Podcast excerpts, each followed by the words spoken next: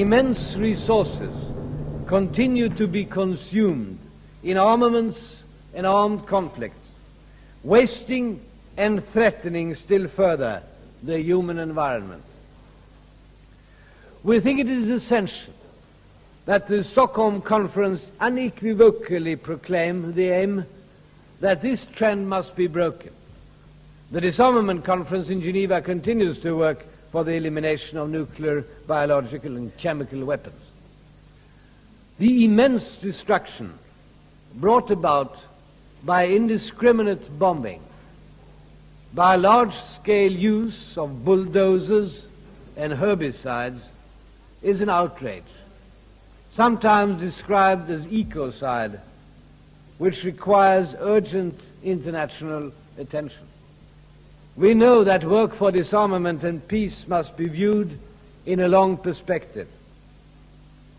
It is of paramount importance, however, that ecological warfare cease immediately.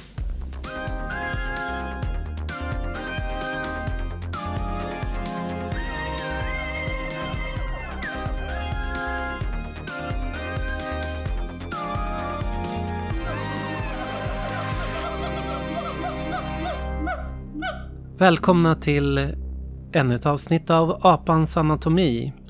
I förra avsnittet så gick vi igenom FNs miljökonferens 1972 utifrån perspektivet Hog Farm och det som skedde på Skarpnäcksfältet och den eh, miljörörelse det var del av.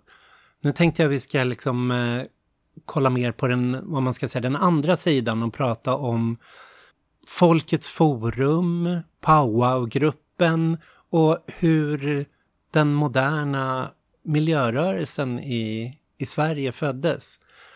Och med mig har jag Tord Björk. Hej Tord, välkommen! Hej på dig! Tord Björk heter jag som sagt var.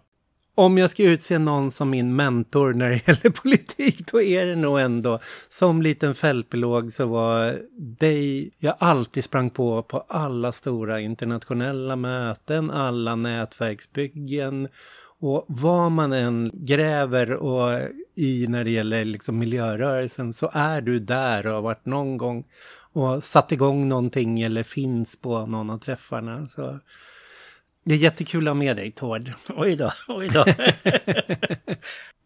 Om vi ska beskriva dig då. Du är idag aktiv i Jordens vänner. Ja, och även i flera andra sammanhang. Jag är till och med numera eh, medlem i internationella rådet för World Social Forum. Mm. För en Gandhi-nätverk som heter Vasudhaiva Kutumbakam. Ta allt i betraktande, vilket väl är ungefär en devis som jag följt. Och lite annat smått och gott. När FNs miljökonferens 1972 drog igång, då hade du varit aktiv under många år redan, sedan 60-talet. Nej, faktiskt inte. Jag var ju väldigt ung och eh, i och för sig så började jag med att cykla runt världen, eller åtminstone ner till Sicilien direkt efter studentexamen när jag var 17 år gammal. Och då bodde jag fyra månader i Rom hos Reidar Persson som var anställd av Food and Agriculture Organization för att kartlägga alla skogar i hela världen. Och det lärde mig någonting om det här omöjliga med att överhuvudtaget bedöma biologisk mångfald och vad träd är och så vidare.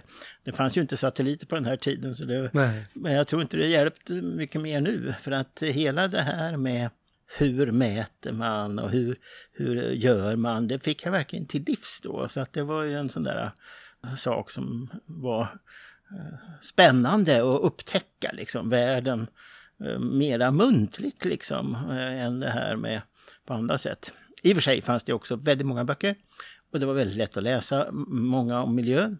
Och jag gjorde så att jag kom till sidorna som handlar om vad ska göras. Ja. Och de var få och korta. Och de gick mest ut på att experterna ska styra så det borde tillsättas ett expertråd som ska rådge och bestämma över saker och ting. Så jag fick eh, mycket snart ganska negativ syn på expertböcker. Den tidens lyssna på forskningen. ja, precis! Du var med och drog igång den här Powwow-gruppen som var en av de som initierade de folkliga protesterna där i samband med FN-mötet. Hur, hur kom Powwow-gruppen igång då? Ja, det har jag undersökt efteråt i en, en, en, en papper jag skrev på universitetet då. Och det är en långvarig förberedelseprocess på en tio år som har väldigt mycket med unga teosofer att göra som hade ett världsomspännande nätverk. Och vad är teosofer? Ja, det är en sån här äh, filosofisk riktning då som uppstod i Indien då, religiös filosofisk riktning. Som väldigt mycket början till, ja, urmodern till all new age. Äh, men dessutom mycket viktig för, befrielsekampen i Indien. Äh, så att de här stödde ju Gandhi och de stödde kampen mot imperialismen. Liksom. Så det är sådana här äh, saker som eh, efteråt folk har fått svårt att förstå. Men om vi tittar oss omkring hela tiden så är det ganska kaos och rörelserna går in i varandra och det är inte riktigt vad det är och efteråt så blir det någonting annat. Men det som hände var att de unga teosoferna, de gick in för att nu måste det vara action, aktion. Så man kan hitta liksom deras föredrag då på möten och sånt där. 62, innan Rachel Carson ger ut uh, sin bok om miljö, då är de redan miljömedvetna liksom. Och de startade Operation Dagsverke som blev ju en skola för alla i hela Norden med att samla in enorma summor till till eh, gerillan i Algeriet till humanitär hjälp. Så Lutherhjälpen fick mer pengar än vad de... Eh, de kunde inte hantera så mycket pengar fick de in tack vare dessa unga teosofer. Och smugglade in valpropaganda i vad som hette Nordrhodesia då för att hjälpa Kwanda. Alltså, eh, ja, och sen så dessutom 10 000 eh, engångsglas eh, som dumpades framför riksdagen då, i Provi-rörelsen då, som eh, var en sorts blandning av anarkister och de här teosoferna. Så, så de där hade globala nätverk och, och hade mycket kontakt med framtidsstudier och eh, vetenskapens utveckling och kontakter både i öst och väst och så vidare. Och där kom man på att vi måste göra någonting inför Stockholms FN-konferens. Ja, det är häftigt. Det är en slags frihetlig aktivism innan 68. Innan ja, 68. precis. Va? De bröt sig ur Teosofiska samfundet 66 på världskongressen i, i jag tror det var i Salzburg eller Innsbruck. Och sen åkte de vägen över Provos hem i, i, i Holland då, som var det här stora uh, upprorsnästet på den tiden då, lite anarkistiskt också. Och så blev det Provi här då. Så det är ju sådana här trådar som eh, jag hela tiden haft med mig, som finns muntligt liksom.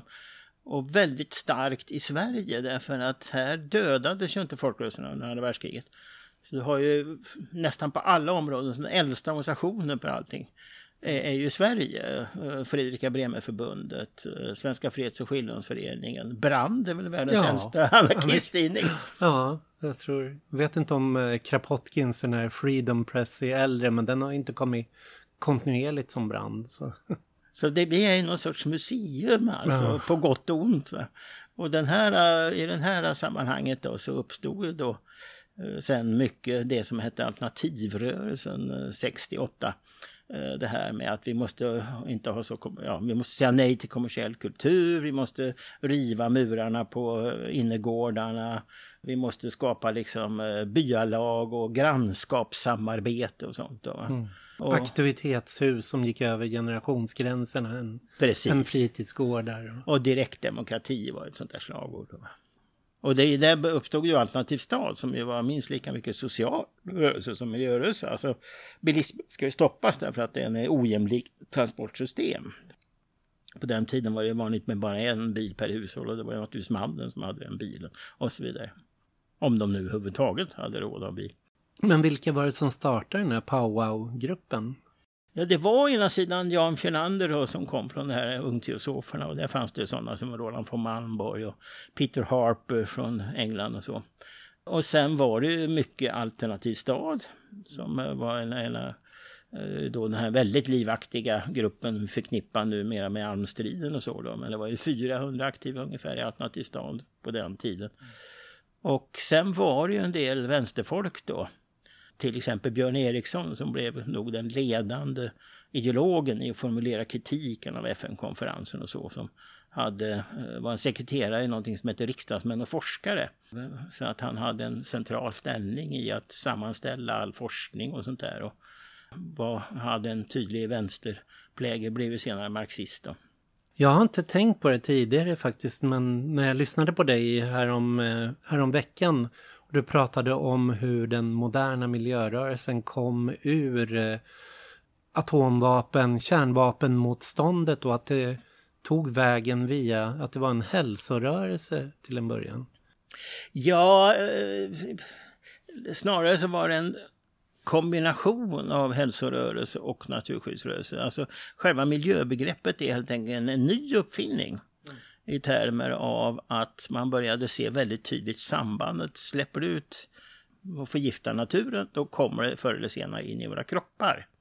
Och det är ju i den traditionella akademiska forskningen bara förknippat då med Rachel Carsons bok då 62-63 Tyst vår, mm. som är den som alla mer eller mindre refererar till. Och det här när man släpper ut kemikalier i naturen så kommer det då via ämnesomsättningen så kommer det in i våra egna kroppar. Och rovdjuren då, pilgrimsfalkar och så vidare som är högst upp i de här näringskedjorna och drabbas så att säga.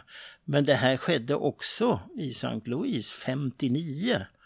Eh, och det var ju då antikärnvapenrörelsen eh, som eh, började undersöka strontium-90-förekomsten i spädbarnständer. Och det är ju samma typ av fenomen egentligen. Som då eh, mycket påverkade hela de här förhandlingarna om det. Man fick ju till ett provstoppsavtal för att, att man inte skulle fortsätta att spränga kärnvapen eh, i atmosfären. Så att eh, den här kombinationen är en insikt som växer fram eh, hos Eh, den här rörelsen då som blir miljörörelsen. Men sen då i vår typ europeiska kultur så delar man upp saker och ting Och, fast det egentligen är i samma rörelse då. Det är många man pratar med vanligt folk eller många som är i rörelsen. Jo men det är ju samma sak egentligen. Och det kommer tydligt fram sen då under FN-konferensen när det är alltså det som Naturskyddsrörelsen var ju hög grad en överklassrörelse. Eh, och hälsorörelsen blev ju, var ju hög grad en arbetarrörelse. Eh, men bägge var ganska statligt orienterade. Mm. Eh, men med den här kombinationen så fick du till eh, mycket mer konfliktsyn på, på eh, miljöfrågor. Och då blev det ofta brännpunkter lokalt. Och där blev det ju klassallianser. Och man sa nej till den här statliga idén om att nu måste man absolut bygga ut Vindelälven. Eller, och senare då så sa man ju nej till detta med kärnkraft då, som var ett gigantiskt projekt. En tredjedel av hela Sveriges industriinvesteringar gick till kärnkraften. Och det kommer alltså från fredsrörelsen egentligen. Ja. Du berättade, eller du har skrivit om det, att sen Naturskyddsföreningen, Svenska Naturskyddsföreningen som hette då, och Fältbiologerna, den organisation jag har kommit via, som också har så långa anor, det är ju mer ur en naturkonserverande tradition och att de, de såg positivt på kärnkraften och liksom hela teknikutvecklingen liksom på den tiden. Ja, det är ju alltså, det är väldigt lätt att tänka så. Här såg man ju då hur alla våra fina älvar byggdes ut. Och eh, på något sätt så måste man då hitta alternativ och då blev ju kärnkraften en, en sån här lösning som man såg framför sig. Då, va? Och det är ju här när man inte, man går inte in och sätter frågor kring hela utvecklingsmodellen utan man håller sig inom ramarna. Då. Så det är fullt rimligt. Samtidigt var det så att det är fältbiologerna som egentligen början också till den radikala miljörörelsen. Det började faktiskt i Trelleborg eh, 63 där då eh, fältbiologerna gick ut mot Naturskyddsföreningens ledning som satt i händerna på Länsstyrelsen och landshövdingen som då vill bygga en golfbana i ett naturvårdsområde. så, att, så, att, det finns så att säga vissa upprorsanda också inom fältbiologerna där, även om det just inte då på det här planet var så. Så inför miljökonferensen här då 72, vad, vad är det för frågor som diskuteras i Powwow-gruppen och som leder till Folkets forum och så? Vad är det för vad är det man vänder sig mot eller kring? kring? Ja, det är ju hela utvecklingsmodellen. Man, man anser ju att det här är bara spel för gallerierna. Man uttrycker sig konkret i termer av vad som då kallas för multinationella bolagen. Bryter man inte de multinationellas makt, då kan FN inte fatta några beslut som räddar miljön. Man var väldigt radikal och menade att det här bara var ett intetsägande möte som inte skulle kunna leda till någonting annat än att eh, miljökrisen som man redan då ansåg var hotade mänsklighetens överlevnad skulle fortsätta. Sen var det vissa eh, frågor som var särskilt på tapeten och det var ju då inte minst eh, fredsfrågan. Björn-Ola Linnér har ju undersökt det här och forskat väldigt mycket på det och har just nu sagt det här att det var mycket tydligare att man hade avspänning och sådana frågor på tapeten 72 än det har varit sedan dess. Och det var extremt påtagligt också i rörelserna. Eh, det var en stor demonstration med 7000 deltagare på Sergels torg, helt fyllt. Och eh, där var ju kravet stoppa miljömordet i Vietnam. Och det handlar ju konkret om den här Agent Orange dioxin, alltså som man 15 procent av eh, skogarna i Vietnam blev sprayade för att man skulle kunna komma åt gerillan då. Det var ju ett sånt eh, kemikalie som dessutom togs in i kropparna och sen ledde till enormt mycket genetiska skador. Och jag har ju vänner som har varit på sjukhusen i Vietnam 20 år senare alltså. Det är fy fan alltså. Eh, så att det var ett väldigt stort fokus eh, och eh, Olof Palme tog upp det på själva konferensen också. Vilket ju då var enormt harm hos USA då som tyckte. Men enligt en del rapporter så lyckades det. Man, man, det sägs att de faktiskt slutade att spraya 73. Kriget tog slut 75.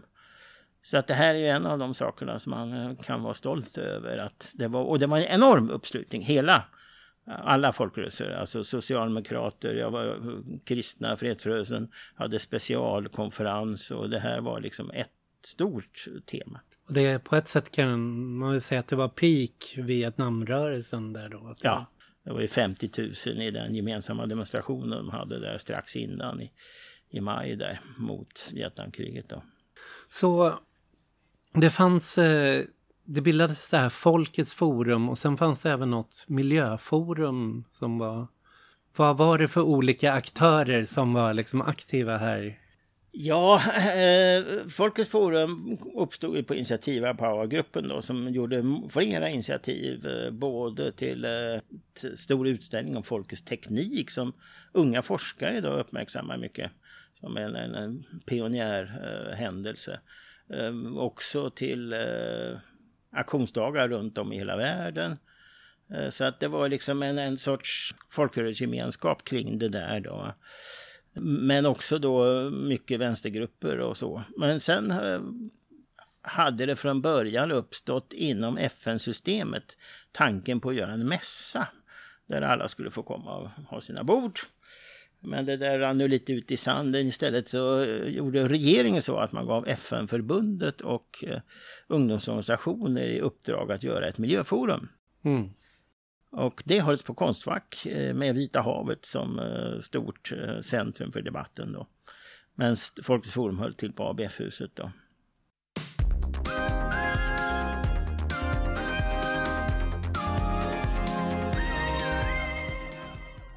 Du har skrivit i en av dina texter om det här att det här var första gången miljörörelsen tog sig ut på den internationella arenan när man organiserade de här äh, protesterna liksom 72 eller motkonferensen.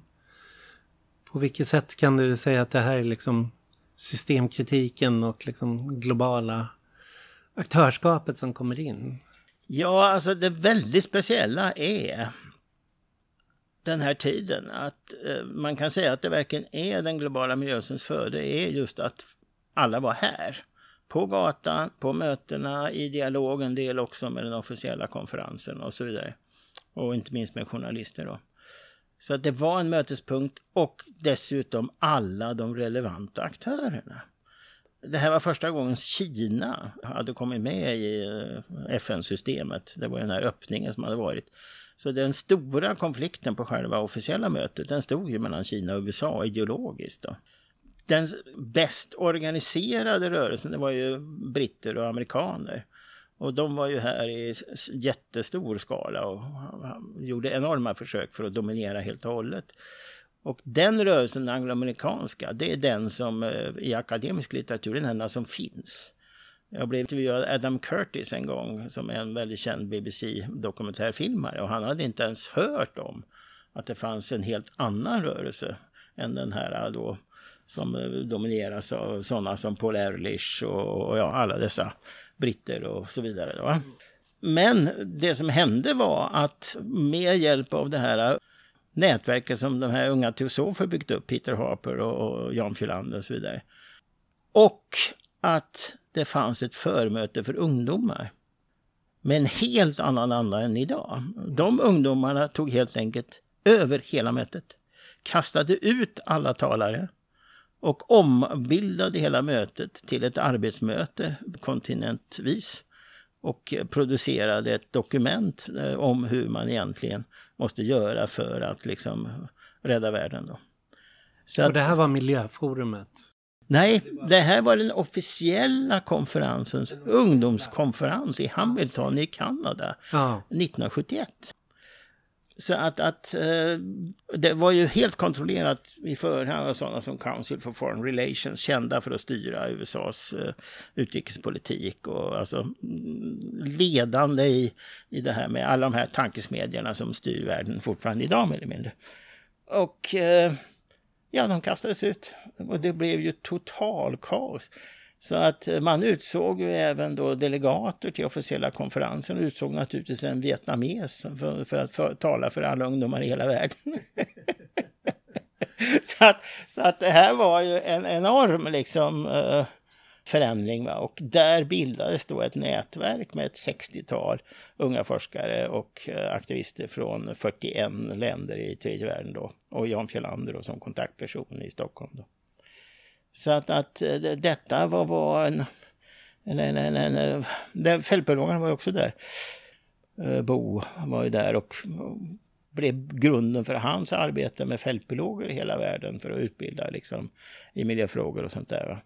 Så det var en enorm... Eh, och detta gör ju det att du får hela världen hit egentligen. Men det krävde alltså eh, insatser som är helt obegripliga. Som, som, som, eh, därför att i praktiken då så var det så att vi i powergruppen, vi tolv var väl som kärnan, två tonåringar, jag själv då Elisabeth, och den var helt otrolig. Vi hade beslutsprocessen gick till så att alla kunde besluta för hela gruppen. jag har aldrig varit med om något liknande varken för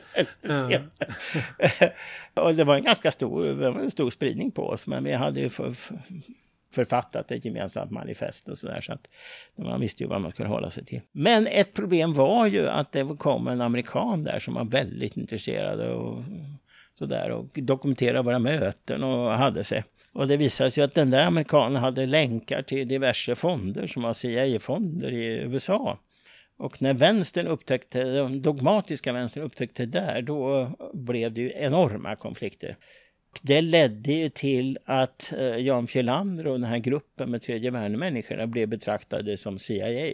Det kan ju inte vara så att en människa har kontakt i 41 länder i tredje världen, det, det, om man inte är vänster. Så han blev i praktiken eh, utkastad tillsammans med Dai Dong som var kristna fredsrörelsens möte då. Så han hade ju förberett allting. Eh, alla de här aktivisterna var ju förberedda. Han hade bokat hotell och så vidare, men han var helt ensam. Så han stod där en månad innan på bar backe och han visste inte vad han skulle göra. Men då var det totalkaos på Miljöforum. Det var helt enkelt så att eh, där hade det skötts då på det sättet att eh, de här angloamerikanska kretsarna hade bjudit in eh, sekreteraren för Miljöforum och så hade de lagt beslag på hela programmet mer eller mindre med de här eh, synsätt, det här koloniala synsättet som Världsnaturfonden har på miljöfrågor. Och inte minst då att det stora problemet är människorna och särskilt de i, i, i tredje världen då, för de är så många. Så att det där skulle då bli innehållet. Och samtidigt så var det helt kaos för att det här var, det var ju en speciell, det var ju tio dagars konferens. Och tio dagars Folkets forum och tio dagars miljöforum. Det var ett enormt tryck. Så det fanns ju massor med människor som här kände att nu äntligen kan vi få ut våra, våra förberedelser och våra papers som vi har förberett under lång tid. Så att det hade skickats in massor med förslag till detta miljöforum. Men det var ju bara kaos. Ingen har fått svar. Det, var liksom, det fanns liksom inte kopiatorer, det var liksom bara kaos. Så i det där, han var ju van organisatör, Jan Fjellander hette han ju, den här unge teosofen då. Så han gick igenom alltihopa det där och så, så, så, så eh, redovisade han då, han blev anlitad för att försöka röja upp det där. Och så redovisade han då för de ansvariga att det här skulle bli en skandal. Det var ju bara 80 procent amerikaner och ja, resten var från väst och så var det väl kanske 3 procent från resten av världen typ. Och då sa han det att det här är en skandal och det råkar vara så att jag känner 60 människor från tredje världen. Så om ni inte skaffar pengar till på två dagar så går jag ut med en internationell presskonferens om det här. Och då var ju Ingrid Segerstedt Wiberg en folkpartist, dåvarande ordförande för FN-föreningen och eh, eh, sen 30-talet flyktingpolitiskt aktiv och radikal Eh, in i hjärtmärgen internationella kvinnoförbundet för, för fred och frihet. En av de här som drev på för att miljörörelsen skulle börja inse att kärnkraft eh, inte var någon lösning. Hon fixade fram det där från sida. Så på typ två, tre veckor hade man fixat visum, biljetter, hotell fanns ju redan och papers fanns redan förberedda, 60 stycken. Och det blev ju sen den totala konfrontationen med det här angloamerikanska då. För att det fanns en bok som hette eh, Befolkningsexplosionen och där var det uttryckligen eh, propaganda för att man ska tvångssterilisera folk i tredje världen. Men det jag inte förstår är som Jordens vänner, att de tryckte upp eh, Paul Ehrlichs böcker om det här i massupplaga och spred. Varför var det en sån viktig fråga för miljörörelsen? Att se... Nej, men det var ju för, det var ju för amerikanska miljö. Alltså den amerikanska miljörörelsen kännetecknas av att den är väldigt nära storföretagen, väldigt nära staten. Det är nästan samma budskap hela tiden. Och dessutom av sådana här äh, väldigt snabba cykler. Väldig aktivitet och sen så professionaliserar sig och så ebbar det ut och så en ny cykel. Va? Så det, det, det, är en väldigt speciell form för, för, för äh, miljörörelsen som inte har alls med svenska miljörörelsen att göra. Sen var det det att de fanns ju bara i England och Frankrike, men de behövde skapa en eh, Jordens vänner i Sverige på grund av FN-konferensen. Så det har, eh, Jordens vänner i Sverige hade ingenting med svenska förhållanden att göra, utan det är en satellit ungefär som många NGO gör idag när de vill ha sina så att säga satelliter i andra länder. Då. Och då var det det att man eh, finansierar sig genom att ge ut böcker. Inte genom några statliga bidrag eller så, vilket jag tycker egentligen är bättre än statliga bidrag. Men det, och då gällde det att ha böcker som eh, läses. Och då hade man ju förlagssyn på böckerna snarare än att man stod nödvändigtvis för hela det politiska innehållet. Så att när jag tog upp kritik av det här med Jonas vänner sen på 80-talet inför Rio-konferensen. Ja, de, men det var då, det, det, det är ju liksom, det är, för, det är ju författaren, det är liksom inte vi som står bakom det. Men det stämmer inte riktigt, för man gav ut också en egen officiell bok inför FN-konferensen som har väldigt samma typ av resonemang. Och den bygger på det som kallas för allmänningarnas tragedi. Vilket var ett försök då att, att förklara världens problem med hjälp av att det finns allmänningar och då kommer nomaderna där och överbetare och det är det som leder till att jorden går under. Den här... men, den boken är ju berömd. Är den släppt via Jordens vänner eller gjorde de en version av den? Eh, befolkningsexplosionen? Nej, allmänningarnas tragedi. Nej, den gjorde inte... Det, det, var ju en... Jag tror till och med att det var en artikel någonstans ja. av den här Gunnar Harding. Va? Mm. Men den egna boken man gjorde, där lanserar de mycket av det tänkandet. Ja, okej, okay, så de hämtade det där. Ja. ja. Vilket ju är sannerligen förvånansvärt, för nu är det ju precis raka motsatsen vad Johan Sven står för. Men det här är amerikansk marknadsfilosofi. Va? Det, det, det är liksom, bara om du äger äh, saker och ting, då får du tydliga ansvarsförhållande, annars går jorden under. Liksom, va? Eh, det har ju annan forskning visat att det där är bara löjligt och det är ju rakt emot vad, hela idén vi har med allmänningar och så. Mm. Men det var en ideologi hos amerikanare och britter, vilket är helt och hållet i linje med deras idéer om att there is no such thing as society. Liksom. De har inte ens ett begrepp för politik. Det heter politics i plural, det vill säga de kan inte ens tänka politik i helheter. Det, det, är en sorts liksom, eh, du bara ser framför dig kontrakt mellan individer. Det finns inget annat liksom. Det finns ingen eh, allmänpolitik allmän politik att förhålla sig till annat än uppstyckat som policies och så det där snuskiga politics då som är där, ha, verkligheten då. Men vi har ju ett annat begrepp, politik, som innefattar både policy och politics. Liksom. Så ena sidan hade vi liksom den här fredsrörelsen möter miljörörelsen, Vietnamrörelsen Å andra sidan hade vi de här nätverken kring tredje världen-organisationer som kom hit och så hade vi den här angloamerikanska synen då på allmänningarnas tragedi och befolkningsexplosionen i tredje världen var det stora miljöhotet. Och... Ja, även migration. Alltså man ja. ville kontrollera migrationen härifrån. Alltså det, den världsordningen som man propagerade det är ju den som finns idag. Mm. Hur gick den här konfrontationen till? Alltså du berättade om Miljöforum. Hur de... Ja, alltså det är väldigt konkret. den där Jan Fjellander då, som var ganska överarbetad, han, han födde sin första barn precis mitt i alltihopa. Uh, han hade inte tänkt på en detalj och det var vem som skulle vara ordförande för debatten då som ändå behövdes då mellan Paul Ehrlich och de här andra som hade en liten annorlunda syn. Mm. så då i, på Konstfack där så um, hade man hela panelen och då kom ju, då gick en eh, kvinna från Ibadan, en professor, eh, fram och tog mikrofonen och sa Eftersom den här debatten handlar om oss så tar vi över nu.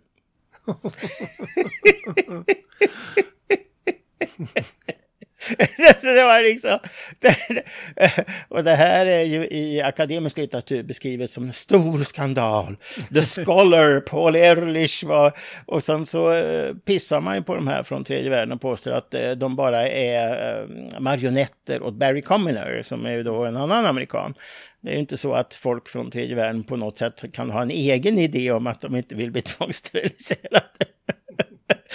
Eh, det redde ut sig rätt väl till slut i alla fall då, i termer av att den där eh, ordföranden för debatten, någon sorts överklassmänniska från Storbritannien, eh, försökte lugna ner det lite och så fyllde man på panelen med lite fler och så vidare. Men slutresultatet är ju att man aldrig kom tillbaka. Alltså det, det synsättet det finns fortfarande ibland i USA och sådär. Men det har aldrig någonsin mer i internationella miljörörelsesammanhang blivit ett tema. Utan det som är lösningen, det var det som fanns i papperna från den här ungdomskonferensen i Hamilton och det som OI-kommittén det som blev utav det här i Hamilton och de här 60 människorna kallar sig för OI-kommittén. Där skriver man naturligtvis om att det är jätteviktigt med, eh, med, med preventivmedel och ja, den här eh, feministiska synen på hur man hanterar befolkningsfrågorna istället för den här väldigt eh, tvångssynen. Då. Det, det, märkliga är ju då alltså att eh, om man ser filmklipp då, det finns en eh, från konferensen då, då framstår Polar som jättebra för att han pratar mycket faktiskt om jämlikhet, om nödvändigheten att komma bort ifrån det. Eh, så allt det här andra, det är bort, den här andra saken är ju bortklippt så att säga då va. Men det var ju en rejäl konflikt och det där har ju analyserats väl också av Mikael Nyberg i en bok som vi gav honom i uppdrag att göra 1998, Grönt eh, kapital, då, som också finns på engelska. Då. Hur man hade ett synsätt från det här angloamerikanska hållet, att det är människan som är problemet. Medan då Kina och, och vi andra hade den synsättet att det är faktiskt sociala samhällsorsaker till det här som man måste ändra på efter, vad blev kvar efter det här då? Vad, du sa att det, vi kunde se svängningarna när det gäller liksom användningen av Agent Orange och hur den här eh, populations befolkningsexplosionsdebatten förändrades men eh, miljörörelsen efter efter 72 liksom. Ja, det största som hände var ju att energifrågan kom i centrum. Mm. Och eh, Jordens vänner då hade ju en fokus på det här med förnyelsebar energi och så. Va? Eh, och sen blev det ju den här eh, fokus på att ta itu med den stora konfliktfrågan som ju var, blev kärnkraften då. Och den blev ju väldigt snabbt, i Sverige kom den igång Centerpartiet var ju då första landet i världen när parlamentariker gick emot kärnkraft. Och vi fick det här moratoriumet. I Sverige redan 73 stoppades alla nya orter för kärnkraftscykeln så att säga. Mm. Uh, vi fick det här motstånd i Lysekil. Vi fick överallt så blev det stopp för uranbrytningen i, Billingen och så vidare. Så, så det var en, och uh, den rörelsen kom igång i hela Europa mer eller mindre och Indien och jag har varit i Latinamerika. Och det var samma sak, den radikala delen av miljörörelsen i Latinamerika där det byggde upp kring var kring antikärnkraft. Ja.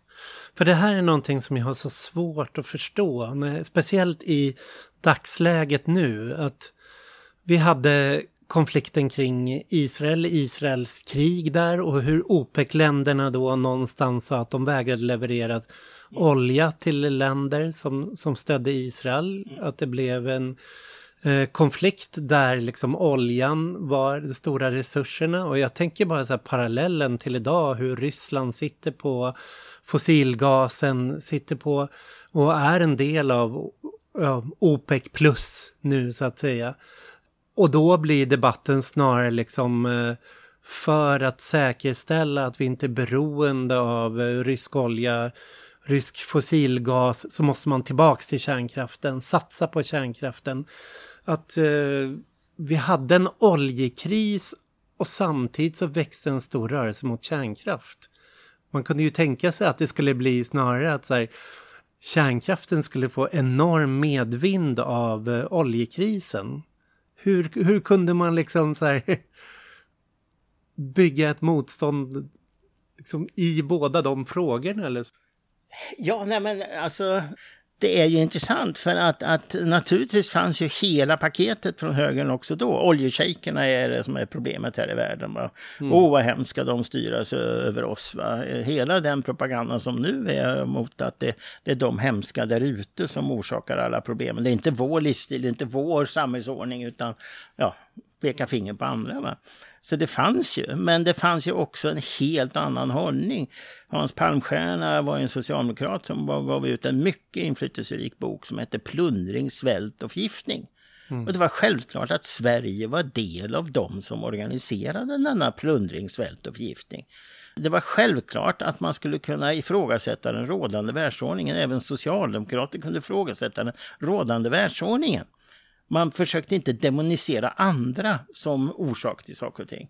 Sen kom ju det här andra, att det är en mognadsprocess då. Man inser det att nej, det handlar inte om eh, vattenkraft eller kärnkraft eller olja. Mm. Det handlar om att vi måste få till eh, lågenergisamhället.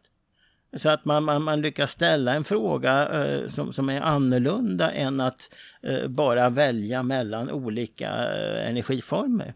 Och det där utgör sig då i termer av att vi stod inför en väldigt svår situation för vi hade ju jag tror att vi hade den största satsningen på kärnkraft per capita än något annat land i hela världen.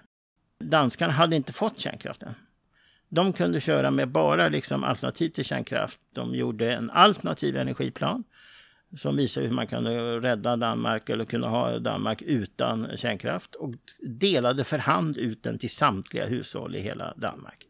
Den här kraften att själva organisera kunskapen, själva göra kompletta program, den hade vi i Sverige också. Då. Så att eh, det hette miljörörelsens alternativa energiplan. Så det vill säga att du hade både förmågan att visa i detalj hur man faktiskt kunde få till en samförändring och sen sa man det att det var samhällsförändring.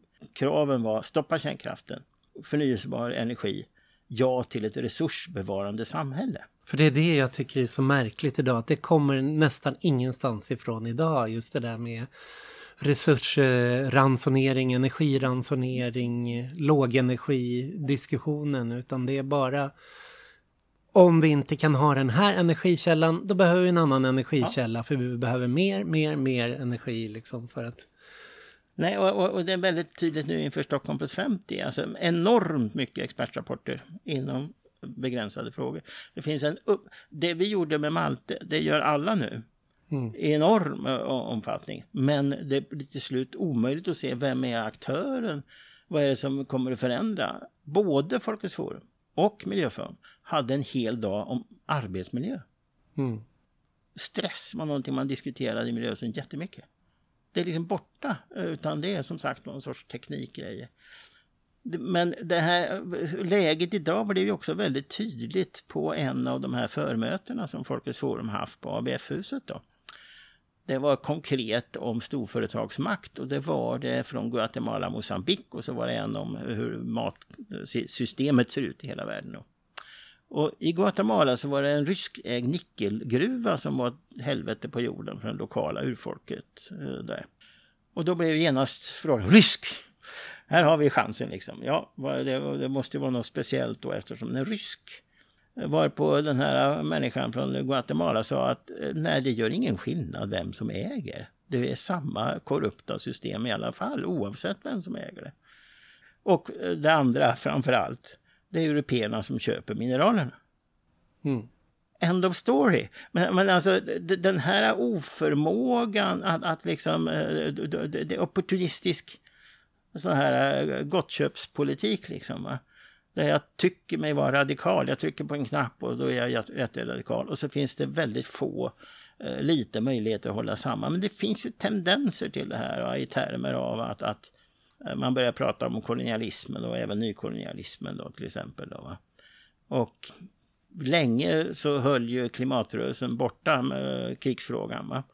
Och nu kommer det mer opportunistiskt. Nu plötsligt är det liksom eh, det är inte kärnvapenhot som eh, man funderar över kanske kan vara någonting viktigt att tänka på som fredsrörelsen har faktiskt lite erfarenhet av utan det är plötsligt bara fossila bränslen. Liksom då. Men det där möter ju motstånd från de här eh, rörelserna som är organiserade internationellt och har medlemmar i både Ryssland och Ukraina och så vidare. De säger att nej, det är, vi måste tänka på hur vi ska skapa en, en dynamik där vi då som i Ryssland, Jordens vänner, driver mycket energisparande till exempel. Så miljöfrågan från 73 och framåt, det blev, det blev mycket koncentrerat kring energi och kärnkraft? Här ja, var... men eh, det som blev mest heltäckande i alla länder mer eller mindre, det var pesticiderna i jordbruket. Mm. Eh, det skapar enorma hälsoproblem. Och ur detta väcktes eh, behovet av global organisering. Det hette Pesticide Action Network. Vad var det för år? Vad, när, ja, det är 70, 75 eh, typ ungefär. Mm. Uh, det andra var modersmjölksersättningen som var en väldig hälsokris. Med aggressiv propaganda försökte man få alla mödrar att sluta amma eller åtminstone amma mindre och istället köpa västerländsk fantastisk mjölkpulver. Ja, Nestlé. Ja. ja. Eh, och den kampanjen hette International Baby Food Action Network. Det var ju han Björn i, Syndikalisterna som blev mördad för att han avslöjade nazisterna ja, i LO. Björn Söderberg. Han var ju med i den, Nordiska amningshjälpen hette det då. Så att det nätverket och eh, PEN som det hette. Men även eh, Regnskogskampen. Mm. Och den är, har mycket sitt centrum i Malaysia. Det är där som konsumentföreningen och Jordens vänner 1984 slår samman alla de här nätverken som finns tillsammans med hela globala kampen mot strukturanpassningsprogrammen, hela det här förtrycket av tredje världen. De bildar Third World Network. Och mm. det blir i praktiken den första organiseringen som tar vid efter OI-kommittén med samma typ av radikala så att säga perspektiv. Mm. Och där Martin Kår, Mina Rachman hade vi med här på förmöten då. Va? Chi Kling och så vidare. De får ju en jättecentral ställning i hela det fortsatta arbetet i samband med vad miljörörelsen gör på FN-konferensen men rent allmänt också binder ihop frågorna så att säga. Mm. Så att där, och idag så är det ju den linjen som är, till slut så, så lyckas ju så att säga tack vare att Jordens vänner har en grundidé som är demokratisk. Varje land har en röst på årsmötena. Och det har gjort att det har till slut blivit tredje världen majoritet som då gör att den synen som fanns hos AI-kommittén, idag är den syn som Jordens vänner driver. Rakt mot de här synen som de här britterna och amerikanerna hade då 72.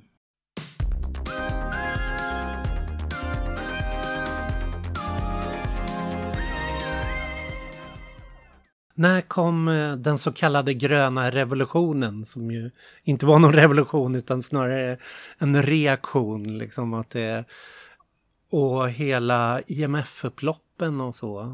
Den gröna revolutionen är en beteckning på lite mycket kanske men bland annat det här jordbruks är det den du tänker på? Ja, jag tänker på det. Som ja, nej, det ni översatte om från autonomi, Neue Folge ja. och liksom Harry Cleaver skrev om. Och... Det där var ju jättestor diskussion, inte minst den här uh, unga teosoferna hade det på temat varje år, grön revolution eller röd revolution i detta opolitiska, icke fullt så opolitiska sällskap. För det var ju kritiken stark, det var ju det här med att med hjälp av, av uh, högteknologi och mera bekämpningsmedel och så vidare mm. få högre avkastning. Och konstgödsel och ja, he, he, hela paketet hela, så att säga. Ja. Och det där har ju diskuterats väldigt mycket då. Wanda Anarchi var ju en av de ledande kritikerna. Det var ju naturligtvis behov av att öka produktionen men samtidigt så blev det ju då salta jordar och allt möjligt. Det där finns ju rätt mycket material om och idag så är det ju då den här digitaliseringen som eh, storföretagen tänker sig av att, och EU inte minst också, att med hjälp av, av högteknologiska digitala verktyg och så vidare få den här perfekta jordbruken då.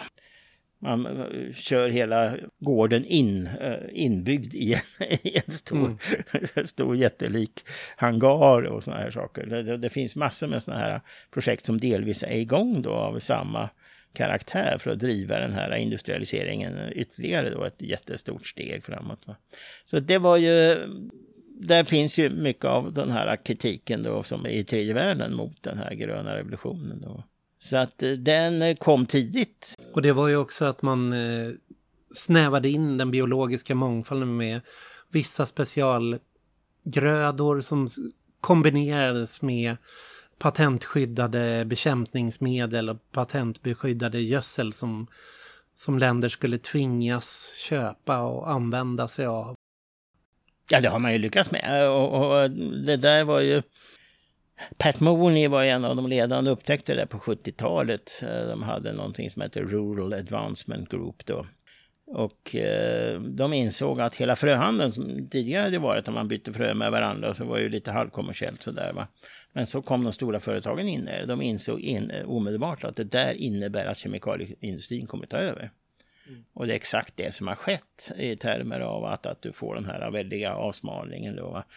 Jag läste en bok 82, tysk, och de hade ju på tre sidor lyckats sammanfatta hur det här skedde på samtliga områden. Alltså hur näringsvärdet minskar, eh, andelen eh, arter som utnyttjas eller eh, husdjur och så vidare blir, blir tunnare och tunnare och det blir mer och mer sårbart. Liksom. Och det där är ju då, leder också till att det expanderar och sen så tvingas ju då de bästa markerna gå till det här och sen så tvingas folk in i skogarna och där kan ju då uppstå olika virus och allt möjligt sånt där. Mm. Så att, att ehm, det är ju en av de här pågående utvecklingarna som, som eh, är sannerligen värt att oroa sig för. Men du frågade om, något annat än grön revolution också. Ja, IMF-upploppen som Ja, det är ju intressant. Det är ju 77 i Egypten om jag inte missminner mig. Som eh, det uppstår då. Och det är ju det här med att för att hålla befolkningen lugn inom det rådande systemet som går ut på att eh, de rika blir rikare och de fattigare är nedtryckta så måste man på något sätt eh, behålla sociala lugnet och då subventionerar man bröd. Mm. Och eh, i vissa lägen då så släpper man på det där och så plötsligt blir det sådana här stora prishöjningar och så där. Och då blev det ju eh, väldigt stora upplopp i Egypten. Då. Och eh, sen dess har det där pågått, de här IMF-upploppen då i olika former och växt då till den här rörelsen för skuldavskrivningar och mot de här så kallade strukturanpassningsprogrammen och, och tagit sig i olika former då. Så att de var ju jättecentrala för hela här antiglobaliseringsrörelsen som det hette när man vände sig mot de här systemen då. I Sverige så eh, var ju Sverige blev ju då ledande i det här med att försöka få vad jag kallar för rikemansklubbar och styra världen.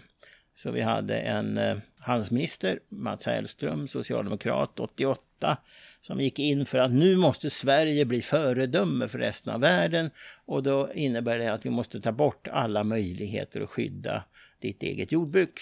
Mm. Därför att den här totala världsmarknadsanpassningen är det som då kommer att främja att vi kan få mat i framtiden. Då.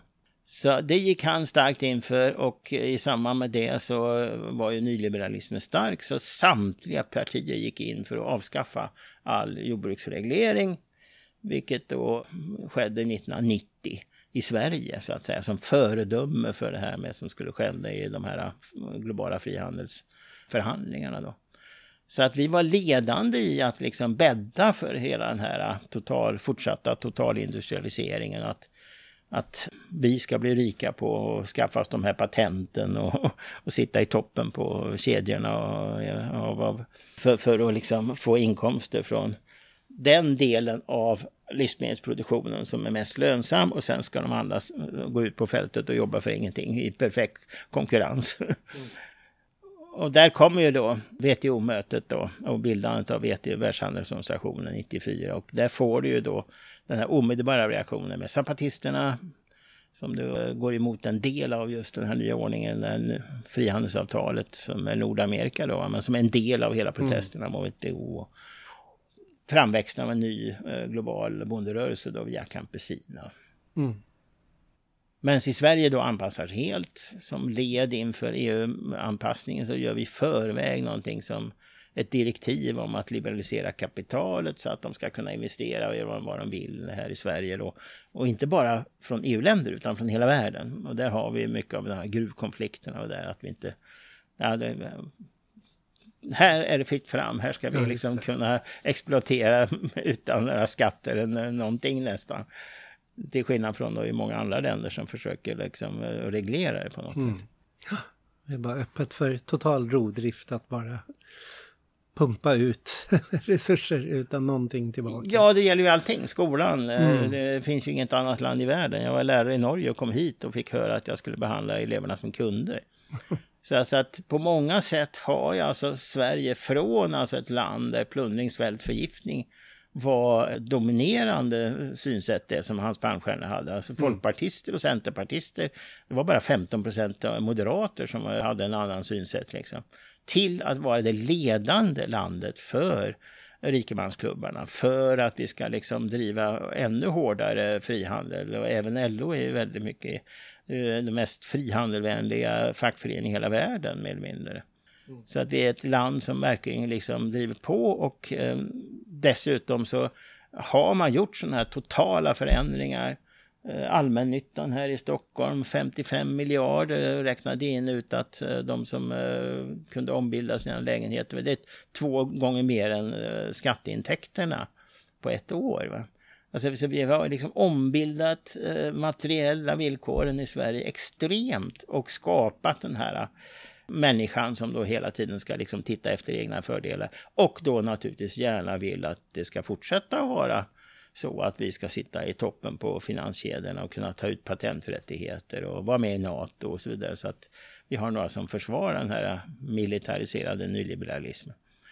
Så det är lite intressant. ja, verkligen. Ja.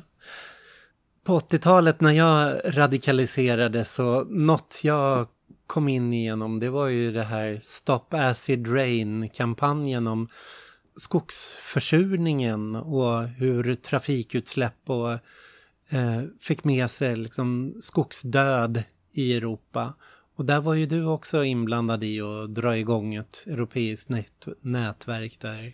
Ja. European Youth for Action eller Forest Action som, som växte fram där. Ja, nej, det var ju också en lite lustig historia. Det var ju så att man ville ju hugga ner tre av de sista riktigt gamla naturskogarna uppe i fjällvärlden. Då.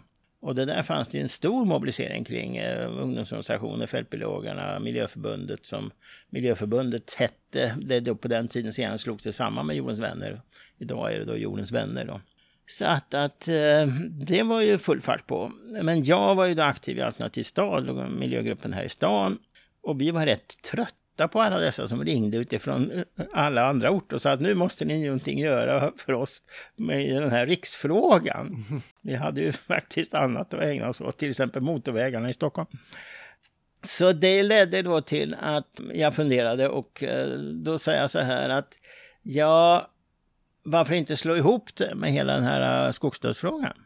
Rent politiskt sett är det helt olika politikområden, har inte med varandra att göra. Men i allmänhetens ögon är det inte nödvändigt så. Utan tvärtom så kan det vara en poäng eftersom bägge frågorna är heta. Och ur detta då så kom den här äh, idén. Sen alltså, var det ju andra som gjorde mycket, mycket mer för det. Men just den där lilla insatsen då.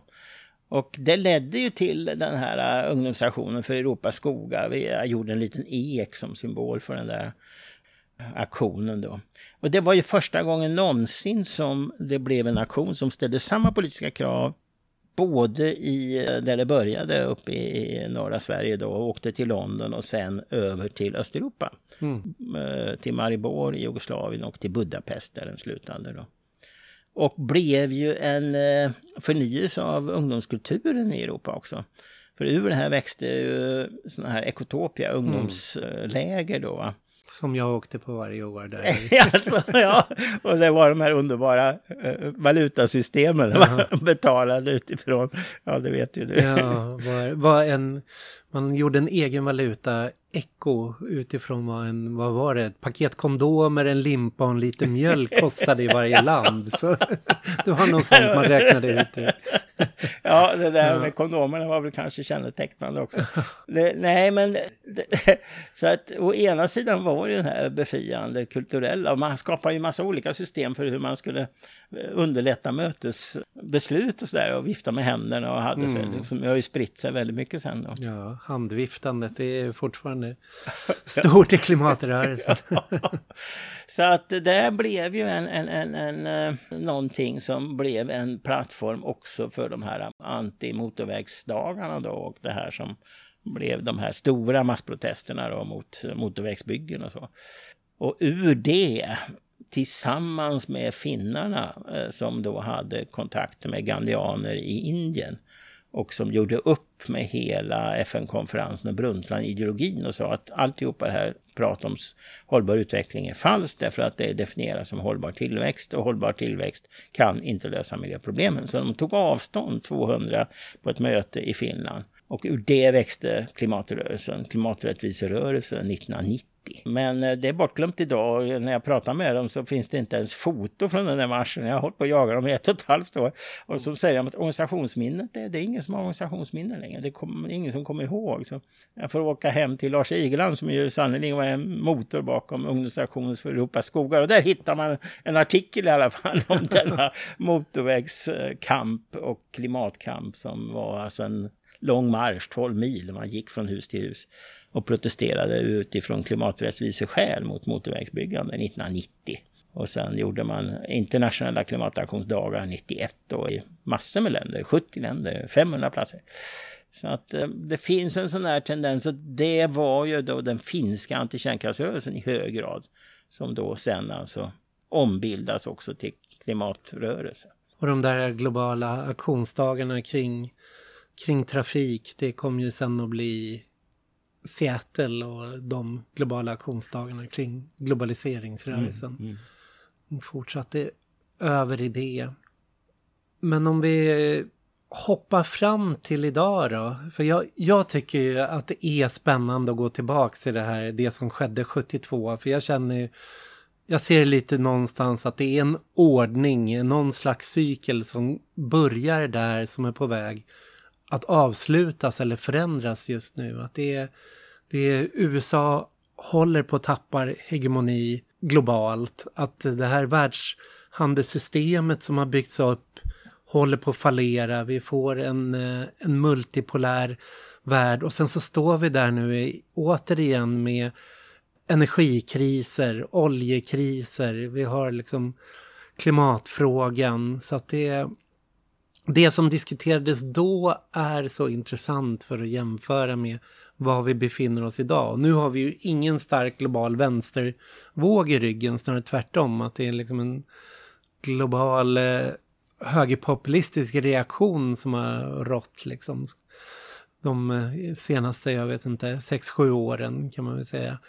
Så um, hur ser vi på liksom läget idag då? Med, det blir ett nytt Folkets forum här nu under FNs eh, miljömöte plus 50 och den, eh, det händer mycket med saker men det är ju bara en spillra mot vad sociala forumen var eller vad Folkets forum var, var tidigare sådana här var befinner vi oss? ja, det kan man fråga sig. Alltså, det är spännande med en del unga forskare. En doktorand i Danmark, han heter Asker Hogård, mm. eh, som just forskar på NOA, som är danska jordens vänner. Men de var ju här då, 72, och de var ju mycket aktiva i samband med klimattoppmötet i Köpenhamn 2009. Så att man kan återspegla mycket av, av, av det här globala händelseförloppet genom hans forskning också. Han säger ju det att eh, han upplever det att det är väldigt lite som har ändrat sig. Det, han utgår väl lite grann från världssystemteori, det här Immanuel Wallerstein och det perspektiv som, eh, både, som, som eh, finns i den här boken Gröna kapitalet med Mikael Nyberg. Då. Så att du har inte så mycket egentligen skillnad. Det, det intressanta är också Björn-Ola Linnér som ju är en väldigt, ja den kanske mest etablerade forskaren när det gäller inte bara 72 utan alla FN-konferenser efter det i Sverige mm. i alla fall. Och han säger nu på ett webbinarium som SIPRI, det här fredsforskningsinstitutet ordnade utifrån en antologi inför Stockholm plus 50, att eh, det mest centrala överhuvudtaget 72, det var ekonomiska frågorna. Det som, gjorde, det som höll på att liksom braka ihop innan konferensen var konflikter kring hur ska länder i syd kompenseras för att de överhuvudtaget ska kunna delta i något internationellt beslutsfattande om miljö. Och eh, det menar han är den viktigaste frågan idag också och han ser inga tendenser till att man är på väg att diskutera det på allvar. Mm. Och det där är ju spännande då. Va? Däremot så diskuteras det ju, det ju gigantiska, jag just gick in med det, är 200 olika eh, konferenser och, och seminarier eh, då i samband med Stockholm plus 50 på deras officiella hemsida. Liksom. Och så är det side events. Och det är enormt. Det finns, och överallt är det ungdomar inbjudna och urfolk och så vidare. Det är ett gigantiskt system där man liksom... Ja, och, och eh, den här gången är ju eh, storföretagen där öppet liksom. Det här World Business Council for Sustainable Development är de som mycket dominerar de här sidoaktiviteterna inne på Älvsjömässan. De var ju inte så synliga 72, men de fanns där. Jag har, jag har hört via en ambassadör att det skedde förhandlingar med storföretagen också, men det skyltar man inte med på den tiden. Så att det ser ju väldigt dystert ut. Mm. Det ser ju väldigt konstigt ut. Jag är inte riktigt säker på det. Alltså, det som gjorde att det inte blev den här uppföljningen, det är ju det som man undrade. Varför dröjde det ända till Malaysia tog initiativet 84 till det blev någon rejäl liksom, global uppföljning då, 72. Det var ju mycket de här extrema dogmatiker som fanns i vänstern då, som liksom stämplade Jan Fjellander, den här unge teosofen som hade det här nätverket som CIA-agent i fem års tid.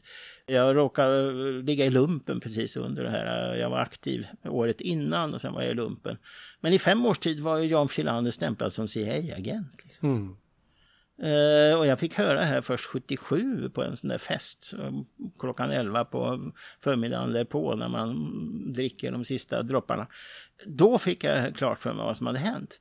Och det gjordes ett bokmanuskript om det som hände 72 men det fanns ju ingen förlag som var intresserad. Och jag intervjuade Ingrid Segerstedt Wiberg om hon som hade den jättecentrala mm. rollen då. Och som ju är känd för att ha fått brevbomber från nazisterna ja. 85 år gammal och så vidare. Hon sa att det här var den värsta hon varit med om 72. Det var mm. alltså storpolitiskt jättehett. Ingen hade frågat henne på 25 år. Mm. Så det är svart, har varit ett svart hål. Va? Men den här dogmatismen då, det ska man inte moralisera över, men, men eh, den fanns ju där och det var ju någon väldigt auktoritär svängning i vänstern 69 typ. Alla skulle bli partier och marxist-leninister. Mm. Och den lokal där jag gick ner för första gången kom in i det här powergruppen, det var Arkivsamtal på Hälsingegatan tror jag. Det var de som samlade på sig alla sådana här grannskapserfarenheter från hela Sverige. Och de gjorde en genomgång inför valet då, 1970 och där visar de då att massmedia totalt, de hela tiden utesluter att grannskapssamverkan kan vara något nyttigt i sig självt.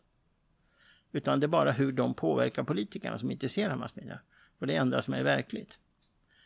Och den här kombinationen av att nu är det tillåtet med grannskapssamverkan men då ska inte påverka politiken. Mm. Eh, men den där dynamiken tror jag ändå är på stånd och det, det intressanta nu är alltså det stora problemet med antiglobaliseringsrörelsen var att den missade det här lokala. Och det är det jag gick igenom alla stora folkrörelsernas diskussion om eh, vad ska man göra i förhållande till pandemin och coronapandemin. Och, och alla har ju nu insett att det här med ömsesidig hjälp lokalt är jättecentralt. Mm. Du kan inte ta bort de här sociala dimensionerna. Och alla mer eller mindre pratar ju också om det här med matsuveränitet, att man måste ha beredskap och att man måste kunna ha rätt att skydda sin egen matförsörjning och så vidare. Så att det finns, tror jag, en mycket större bas på det sättet. Och det är det vi kan se lite grann. Omställningsrörelsen börjar gå i en utveckling. Det finns den här praktiska sidan så att säga som kopplas då till ja, vi kallar det sådär töntigt som fred på jorden, fred med jorden. Mm. Där man alltså går emot hela den här uh, silotänkandet då va. Och i det där är det intressant för den forskningen då som han Asker Hogård har gjort om NOA där så är det när praktikerna förmår samarbeta med de som läser böcker och försöker utveckla tankarna. Så att säga. Man har någon form av ömsesidig respekt. Man behöver inte tycka samma sak. Men mm. alltså, där är dynamiken. Va? Och det är där som man kan undra. Och det är det som är intressanta. För det är det som händer i Ryssland. Då, va? Det är det som våra kontakter i Ryssland det var eh, jättemärkligt, det kommer upp nu alltså hur uh, man skapade en jättefestival i Murmansk 89 för fred där också miljöaktivisterna från Norge kom och startade projekt som är jättelevande idag, som drivs av ungdomar idag som alltså lär sig ryska och eh, bosätter sig där och fortsätter ha kontakt och diskutera hur katten ska man göra med alla kärnavfallet och så vidare. Men det är på Kolahalvön du har de ledande miljöaktivisterna i Ryssland som sen då sprider eh, till exempel energisparprojekt i, i skolor i hela Ryska federationen. Det blir eh, en FN-dag med energisparande. Mm. Så den dynamiken så att säga över de här gränserna är, är intressant i termer av att uh, landa i, i, i någon form av verklighet. Och du kan också studera östeuropeerna. Jag tycker östeuropeerna, jag råkade bli... Uh, jag blev ju sammankallande internationell för uh, European Social Forum och vi tog hit 800 människor från Östeuropa och hade lite pengar för det. Så jag har fortsatt ha väldigt mycket kontakt med östeuropeer och Ryssland, Ukraina, Tjeckien och så vidare. Och där är det spännande i termer av att de eh, ser ju det. Man kan inte bara titta på soliditet som de frågar om. Nu måste vi stödja totalt mot den ena eller andra imperialisten. Utan här finns också en pågående, de kallar för mikrosolidaritet.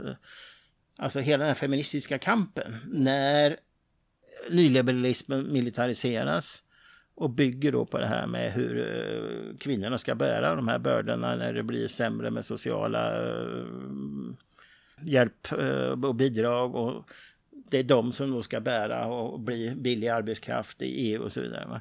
Den här nödvändigheten av att hålla igång en solidaritet som inte bara handlar om mellan stater utan på ett folkligt plan och som är radikal. Mm den är, ja, nej, jag tror det händer väldigt mycket. Och där finns också en teoretisk uppgörelse med hela idén om att alla ska, eh, alla folkrörelser ska anpassa sig till hur det ser ut i Västeuropa. Uh, nej, det finns andra utvecklingar. Det ser annorlunda ut i andra länder. Och det måste man eh, studera utifrån deras egna förutsättningar. Och jag tror att en av de stora problemen är väst där man har överorganisering, för mycket eh, organisationer, för mycket kampanjer, tryck på knappen och för lite av reell liksom, eh, eh stora förändrande projekt. Mm. Och eh, den här lokala förankringen. Ja, vi kanske ska avsluta där för att det lämnar stafettpinnen vidare. Jag kommer komma tillbaks till fler poddar på just det här lokala gemenskaper som ett sätt att bedriva miljö och klimatarbete. Som, Så jag får tacka Tord. Tack för att du tog Ja, dig tid. och tack för att jag fick vara med. Det Ja. roligt att träffas nu. Ja. Så här.